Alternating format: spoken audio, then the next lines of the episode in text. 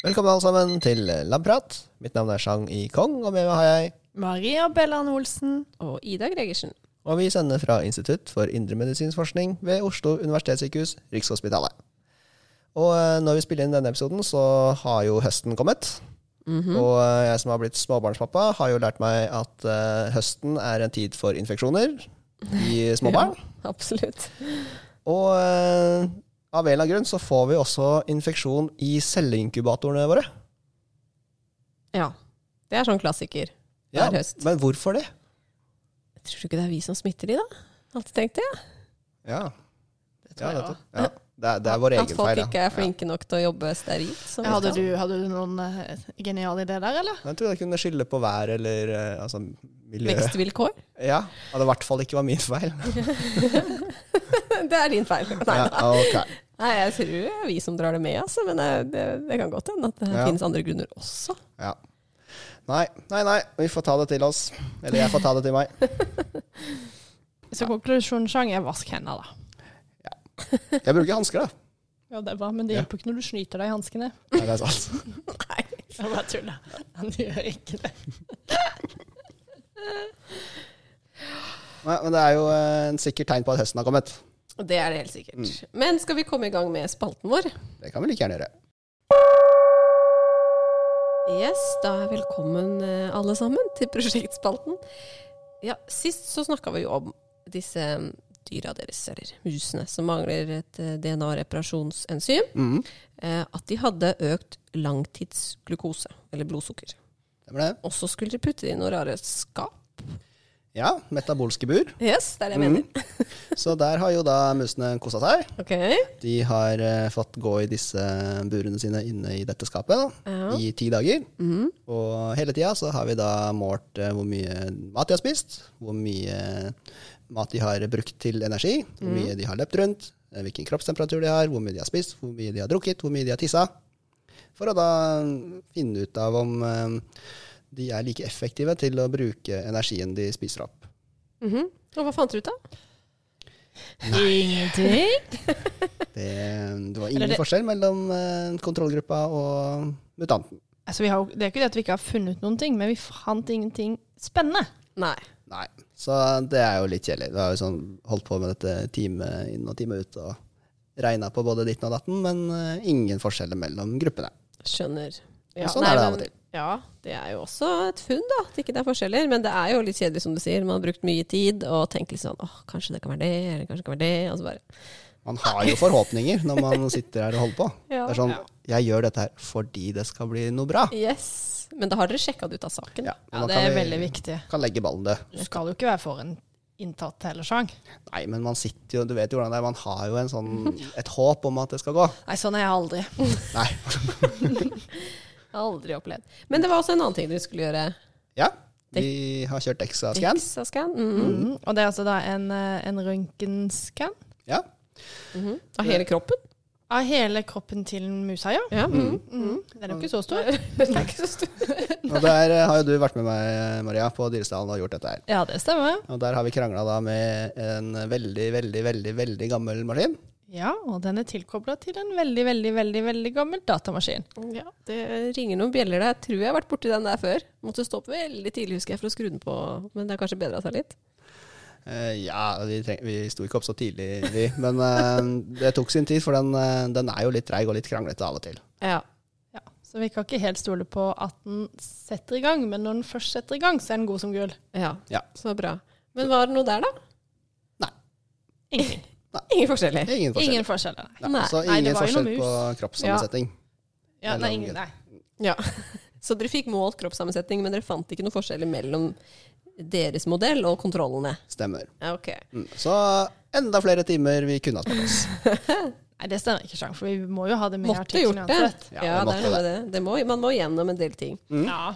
Den ballen kan vi også legge død. Ikke sant. Men så hva er neste, hva, hva er neste på lista nå, da? Nei, altså. Vi har jo fortsatt dette funnet vårt, da. At Mm. de har økt, lang, altså økt sirkulerende glukose. Mm. Og så vet vi at de har hatt dette over tid. Mm. Så nå er jo eh, neste, neste punkt på lista er jo å sjekke dette glukosefunnet litt nærmere. Ok, ja. Vi har lyst til å sjekke om hvordan de tolererer glukose, så gjøre en OGTT. Ja. Ikke sant. En oral glukosetoleransetest. Mhm. Og det går ut på at vi eh, mater musene med glukose. Og så over da en to timers periode måler vi da glukosenivået i blod. Og ser om de klarer å kvitte seg med glukosen eller forbruke glukosen i vevene sine. Mhm. Ikke sant. Eh, Og samtidig så skal vi måle hvor mye insulin de eh, skiller ut. Ja, så det vil gi svar på om de kanskje har diabetes eller ikke, eller om de er Stemmer. Ja. Og dette er, jo, dette er jo ditt felt, Ida. Ja, jo da. Det er vel det, på et vis. Kan ikke du forklare, da? Insulin og glukose og de greiene der. Jo, vi kan ta det litt kort, da. Eh, For eksempel ja, når vi spiser, da. Eller når eh, dere gir de glukose eller sukker rett i, rett i blodet, holdt jeg på å si, så, så øker jo blodglukosen. I magen. Ja, i magen. Og da får du økt nivåer av glukose i blodet, og så vil kroppen da produsere insulin. Og insulinet det hjelper eh, ulike vev, som fett og lever og muskel, og ta opp glukose, som de kan bruke eller lagre. Eh, og hvis kroppen ikke produserer insulin, så har man det man kaller diabetes type 1. Men hvis kroppen kan produsere insulin, men kroppen klarer ikke å nyttiggjøre seg av det, det er det vi kaller insulinresistent, da. Eh, så har vi det vi kaller diabetes type 2. Mm. Så det vil du egentlig kunne se her, da. Ja. Spennende. ja, så vi håper vi klarer å finne, noe, finne en forskjell mellom genotypene her. Ja, vi får håpe på det. Ja, Vi satser på å få gjort dette før eh, neste gang vi møtes. Så bra. Da gleder vi oss til å høre. Før vi eh, starter med episodens tema, så må vi jo bare si at vi har jo kommet til episode ti. Dette er jo et lite jubileum for oss. Woho! Ja, fytti rakkeren. Det er ikke gærent, det. Og vi tenkte vi måtte markere det lite grann. Og eh, nerder som vi er, markerer vi det på den måten. For temaet vi skal eh, snakke om i dag, er et eh, lite hjertebarn eh, hos oss. Nemlig kronisk betennelse. Det høres, det høres veldig alternativt ut, men det er helt det Jo da, men vi er alternative. Det stemmer. Ja. Men vi har jo snakket litt om dette tidligere, i bl.a. episode fire, som handlet om aterosklerose. Men i dag skal vi altså gå litt mer i dybden på hva kronisk betennelse egentlig er, og hvorfor dette er viktig for livsstilssykdommer, som jo er da kjernen i vår forskning.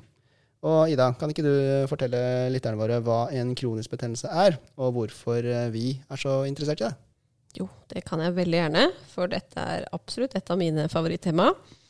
Eh, betennelse, da, eller eh, inflammasjon, det er jo en fordelaktig prosess som immunforsvaret vårt setter i gang for å reparere en skade, eller for å hindre utvikling av sykdom. Eh, og et eksempel som de fleste kan relatere seg til, er jo hvis vi kutter oss på fingeren, så vil immunceller aktiveres raskt, både av skaden i huden og eventuelt av fremmede inntrengere som kommer inn. F.eks. hvis vi har kutta oss på en skitten kniv eller noe sånt. Um, og immuncellene vil skille ut stoffer som uskadeliggjør eh, eventuelle bakterier og virus, og fører til reparasjon av det skadede vevet. Da. Tetter igjen hullet i blodårene og fingeren. Og denne prosessen eh, kaller vi betennelse. Og det kan vi ofte se ved at eh, området der det foregår, da, det blir rødt og varmt og gjerne litt sånn ømt og hovent. Eh, og denne reaksjonen er jo da eh, livsviktig. Og vanligvis eh, så skal den jo gå helt over seg selv. Eh, over av seg selv når man har reparert skaden og fjernet eventuelle bakterier og virus. Så dette er det vi kaller akutt betennelse. Eh, Problemet eh, det oppstår hvis denne reaksjonen ikke stopper når den skal. Og det er det vi kaller kronisk betennelse. Ja, ikke sant. Og det er et viktig poeng. At eh, vi er jo helt avhengig av et immunforsvar som beskytter oss. Og at eh, en betennelse er jo en normal og fordelaktig prosess. Men når det slår feil, så kan det altså gi sykdom. Og immunforsvaret er jo veldig komplisert. Og eh, Maria, kan ikke du eh, si litt om hvordan det er bygget opp, og hva er det som kan gå galt her? Jo, altså helt riktig. Immunforsvaret vårt det er jo utrolig komplisert. Og det er jo det som gjør det så gøy å jobbe med, men også så frustrerende. Fordi i kroppen så har vi jo et helt arsenal av ulike immunceller, og de har ulike egenskaper, og også jeg liker å pleie å si at de har litt sånn ulik personlighet. Eh, noen de er litt mer opptatt av å hisse opp stemninga. Mens andre, de jobber for å roe ned. Og immunceller, de er i tillegg sånn dynamiske, så de kan endre karakter etter omgivelsene. Så hvis det er en immunceller som kommer jeg inn i det såret du har i fingeren din eh, i dag, så kan jeg bli påvirka av eh, stemningen som er der, av de andre immuncellene som er i gang med å bekjempe bakterier og sånt. Mm. Og da kan jo jeg òg bli enda mer hissig. Mm. Så sånn kan man endre litt personlighet etter uh, hva som skjer rundt. Mm. Og da er det jo også viktig at uh, det på en måte på et tidspunkt der det er passende, kommer immunceller som uh, liker å roe ned stemninga litt. ikke mm. sant? Så det er en veldig sånn komplisert balanse med reguleringsmekanismer der, da, at bremsene skal skrus på til riktig tid. Um, men så vet vi på en måte ikke akkurat hva som styrer disse ulike personlighetene og de ulike reguleringsmekanismene. Uh, og det er jo noe av det vi jobber med, det er jo å forstå eh, hvorfor en betennelse går fra å være akutt til å være kronisk. Eh, for det som er med kronisk betennelse, da, det som vi også har nevnt litt tidligere i, i tidligere episoder, det er at det er en veldig viktig driver i veldig mange sykdommer, egentlig. Eh, F.eks. da det vi kaller livsstilssykdommer, som er det vi i hovedsak jobber med. Eh, diabetes, fedme, kreft og hjerte- og karsykdom. Eh, og dette er jo sykdommer som rammer utrolig mange mennesker rundt om i hele verden. Og man skulle jo veldig gjerne hatt enda bedre diagnostikk og behandling enn det man har nå. Um, så derfor så ønsker vi selvfølgelig å, å, finne ut så mye som mulig om disse sykdommene, da. Og det som er klassisk for disse, er at de um, er drevet av en betennelse som ikke er satt i gang av bakterier og virus, men de er drevet av en betennelse som vi kaller steril. Så det betyr rett og slett en betennelse uten bakterier og virus eller andre patogener til stede. Da. Mm. Og begrepet steril betennelse er det kanskje ikke alle som har hørt om. Men eh, det er som du sier, det er jo når man ikke har en patogen til stede som trigger immunforsvaret. Og vi snakket jo om for eh, noen episoder siden om smerte og betennelse. F.eks. hvis man har vondt i ryggen. Da er dette en form for en steril betennelse. Og f.eks. ved autoimmune sykdommer, der kroppen angriper sine egne celler og vev. Men uh, hvilke andre ting er det som kan gi steril betennelse, Maria? Et eksempel som er sentralt for oss, det er jo kolesterol. Mm. Så hvis man har høyt kolesterol i blodet over lang tid, så kan det, sånn som vi snakka om i den ateroskleroseepisoden, da kan det komme inn i årevegen og bidra til dannelse av plakk, altså åreforkalkning. For da har kolesterol, det aktiverer da en del immunceller, så blir det litt sånn aggressive. Og et annet eksempel er jo fedme. Um, for det her, det klassiske magefettet, det er jo en perfekt boltreplass for immunceller. Og her eh, vil både immuncellene, men også fettcellene, når de sitter der og prater sammen, så vil de eh, produsere betennelsesfremmende stoffer. Og det gjør da at enda flere immunceller kommer inn, og så har du en litt sånn eh, litt dårlig prosess eh, hvor bare hvor um, betennelsen bare fortsetter og fortsetter. Og da går vi over til det som kalles kronisk betennelse. Mm. Og da er den på en måte betennelsen trigga av at det er økt fettlagring ikke sant? i ja. seg selv, på en måte? Ja, mm. det stemmer.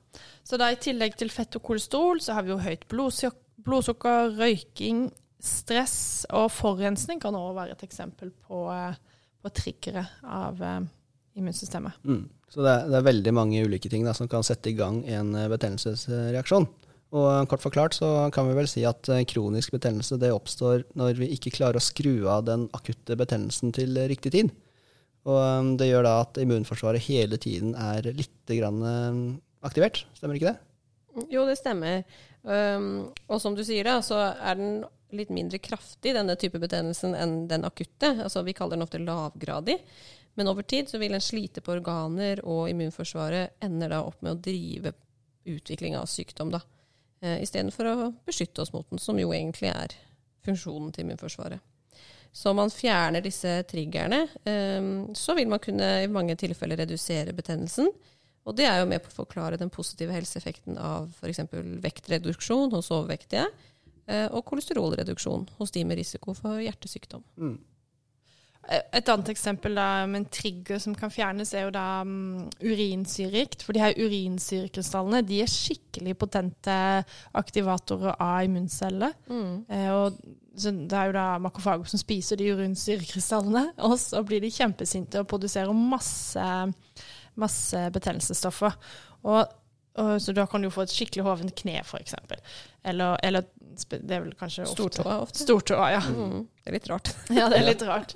Men da når du fjerner eh, urin, bruker medikamenter for å fjerne urinsyrekrystallene, så blir betennelsen borte. Ikke sant. Ja, det er et veldig morsomt eh, eksempel, Maria.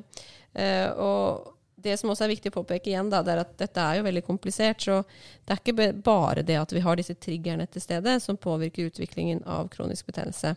Så for eksempel så spiller jo genene våre som vanlig eh, inn, og her da er med på å påvirke f.eks. hvor lett immunresponsen vår kan slå feil. Da. Eh, og derfor har jo noen mennesker høy risiko for eh, slike sykdommer enn andre.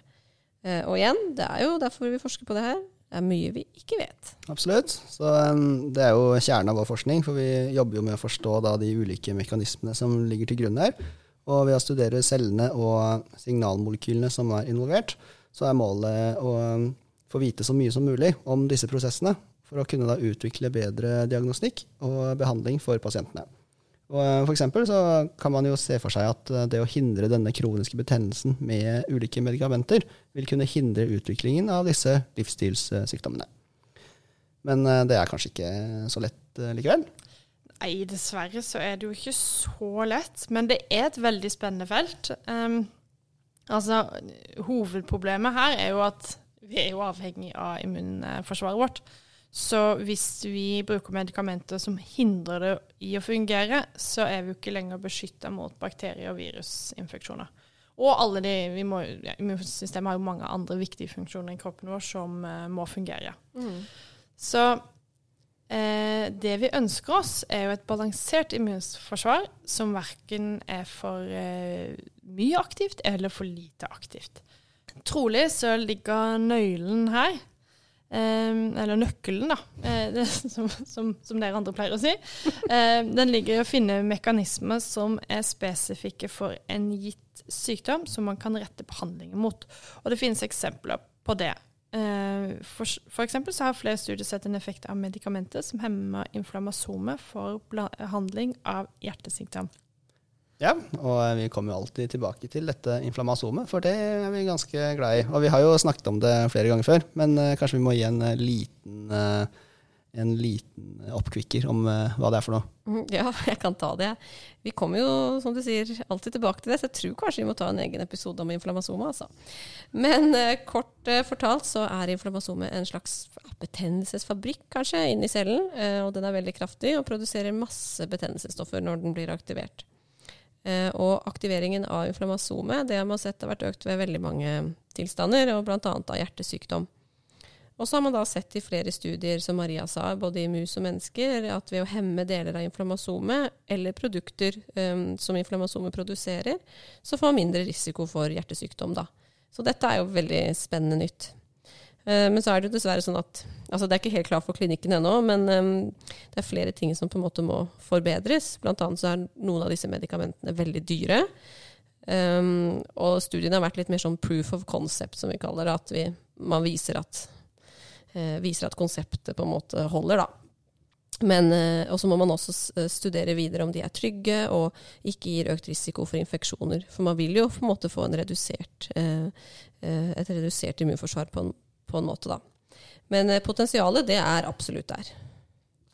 Ja, det her er jo eh, veldig gøy å følge med på. Og jeg syns absolutt at vi skal lage en inflammasome-episode. vi har mange inflammasomeksperter på huset her, og Det er sant, så vi kan huke med oss. ja, noen av dem kan, vi få, kan dere få en skikkelig nerd eh, på plass. Enda mer nerd enn oss, vil jeg si. Jeg tror ikke vi kommer oss unna det. At vi må, vi må nok ha en egen episode om inflammasomene. Ja. Men jeg tror vi kanskje må runde av denne episoden. Og eh, gjøre oss klar for dagens eh, Eureka, Maria. For nå er vi spente. Hva er det du har funnet eh, til oss i dag? Ja, i dag så har jeg en eureka relatert til um, en tidligere episode. To, to episoder siden, vel? Ja vel? At vi snakka om det prosjektet ditt, Chang, dette Pain Fact. Ja. Som, uh, som ser på smerte og uh, hjertesykdom, eller atlosklerose. Mm. Og, og det jeg har funnet fram i nå, er da årets nobelpris. ja. Det er jo alltid betryggende å vite at man studerer noe som er så viktig. Ikke sant? ikke sant? Vi følger med i tida. Vi følger med i tida, eh, så disse mm, De forskerne som fikk årets nobelpris, de har da forska på smertereseptorer. Mm. Så det er reseptorer som kjenner eh, Som kan gjenkjenne trykk, Mm. varme og kulde. Ja, så det er på en måte tre forskjellige triggere av smerte. Stemmer. Men de stimulerer da tre forskjellige reseptorer. Tre forskjellige reseptorer, Ja. ja. Så hvis jeg skulle Jeg føler jeg må jo si hvem de her forskerne er, da. Men da må jeg jo si de navnene igjen. Men jeg bare hopper ut i det som alltid. Det er David Julius, eller Julius, jeg vet ikke. Og så er det Ardem Patapoitan. Altså, Nei, nei, den To amerikanske forskere. Okay? Ja. Jeg kan ikke jeg prøve å si de Jeg har ikke navnene? de navnene foran meg. Jeg kan det ikke. Nei. Nei. Men, men hvis det er til noe trøst, Maria, jeg tror ikke disse to hører på denne podkasten. Det er ikke sikkert det blir fornærma, Maria. Nei, jeg tror ikke de hører på heller. Skal dere si aldri. Vi har jo noen lyttere fra utlandet. Ja, vi har faktisk noen fra USA. Men uansett, de har gjort en veldig god jobb da, sammen med sine kollegaer. Så hvis vi tar, jeg kan ta for meg den, den varme, den resepten som kjenner varme, Ja. og hvordan de fant ut den. Mm. eh, Som et eksempel. Og da, for han var veldig opptatt av capsaicin, som er virkestoffet i chili. Fordi når vi spiser chili, så brenner det jo på tunga, ikke sant? Eller hvis du putter chili rundt omkring på huden, så vil det jo også brenne. Da lurte han på Eller da tenkte han OK, da må den ha noe med følsomheten av varme å gjøre. Så det de gjorde, var at de tok um, kodene for alle genene som man finner eh, som er viktige, da, i, eh, som brukes av, av um, nerveceller. Som, altså de sensoriske nervecellene våre. Mm. Og så gikk de systematiske til verks og prøvde å finne ut av hvilke av de genene reagerer på kapsaisin. Så de satte da DNA-fragmentet inn i uh, celler, um, som da ikke uttrykte disse genene fra før. Ja, så de hadde altså en liste med kandidatgener som uh, var viktig for, uh, for uh, varmefølsomhet. Nei, ikke for varmefølsomhet. For de hadde en liste med kandidatgener som ble brukt av sensoriske nerveceller. Altså oh, alle så de alle de. Ja, så det er jo himla mange. jo, ja. Hjelp. Så de, de har gjort en svær jobb her. Mm. Og så Skulle bare mangle da, nå å få nobelpris. Ja. ja, det er sant. Men så har de da til slutt klart å finne noen celler som reagerer på capsaicin. Som blir aktivert av det på Ja. et vis. Og da um, det, det er jo da en kanal, en ionekanal, som kalles TRPV1. ja. Jaha. Og så uh, reagerer vi også på kulde. Mm. Og eh, den kanalen som reagerer på kulde, kalles TRPM8, Mm. fant de ut. Og så, og så en ting du kan spise som aktiverer denne kanalen. Mentol, tipper jeg. Stemmer. Ja. Ja. mentol. For når du spiser mentol, så blir du kald i munnen. Mm. Jeg har alltid lurt litt på hvorfor, liksom. Men Ja. Jeg har ikke tenkt så mye på at det liksom, ja. Mm. Nei, det aktiverer da denne kanalen. Ja. Og så I tillegg så var det noen som eh, fant noen celler som reagerte på trykk, og så klarte de å eh, finne ut av hvilken kanal som var ansvarlig for det, og det er PSO2. ja. Mm. Så Så dette vil jo være viktig da for å ja, Sånn som med smerte, liksom, at det er jo sånne tester man bruker for å teste smerte Hva heter det? Mm. Det. Mm. aktivering av disse kanalene. Mm. Mm. Så man tester jo ofte både varmefølsomhet, kuldefølsomhet og trykkfølsomhet når man gjør sånn smertetesting. Da. Mm. Det stemmer. Så kanskje du skal måle uttrykk av disse reseptorene da, så gøy prosjektet ditt? Ja, kanskje det. Kanskje det. Ja, eller se på genvarianter av disse reseptorene. Ikke sant? Det kan jo være viktig. Kanskje Strømmer ideene på. Ja da. Men det her er i hvert fall et viktig grunnlag for den, eh, faktisk det studiet du gjør. Hadde det ikke vært for disse folka, så er det ikke sikkert at eh, Pain Fact hadde blitt til. Nei. Da kan du tenke litt på sjang. Ja, det, det gjør jeg. Ja. Men tusen, takk, eh, men tusen takk, Maria. Dette var en uh, veldig fin uh, Eureka. Som vanlig. Som vanlig. Om du skal si det selv. Og med det så eh, takker vi for oss for denne gang. Eh, vi må bare minne lytterne våre om at de må eh, følge oss, Ida. Ja, absolutt. Instagram, Facebook og Twitter finner dere oss. Og kom gjerne med kommentarer, eller om det er noe dere ønsker å høre om. Det er bare veldig hyggelig. Ja, og gi oss gjerne en rating når dere hører på oss på din podkastspiller. Og lytt og del. Absolutt. Der fikk SoMe-ansvarlig sagt sitt. Men uh, nå må vi kanskje komme oss på labben, for vi uh, har jo noe vi skal få gjort uh, fram til neste gang vi møtes. Så da høres vi. Ha det!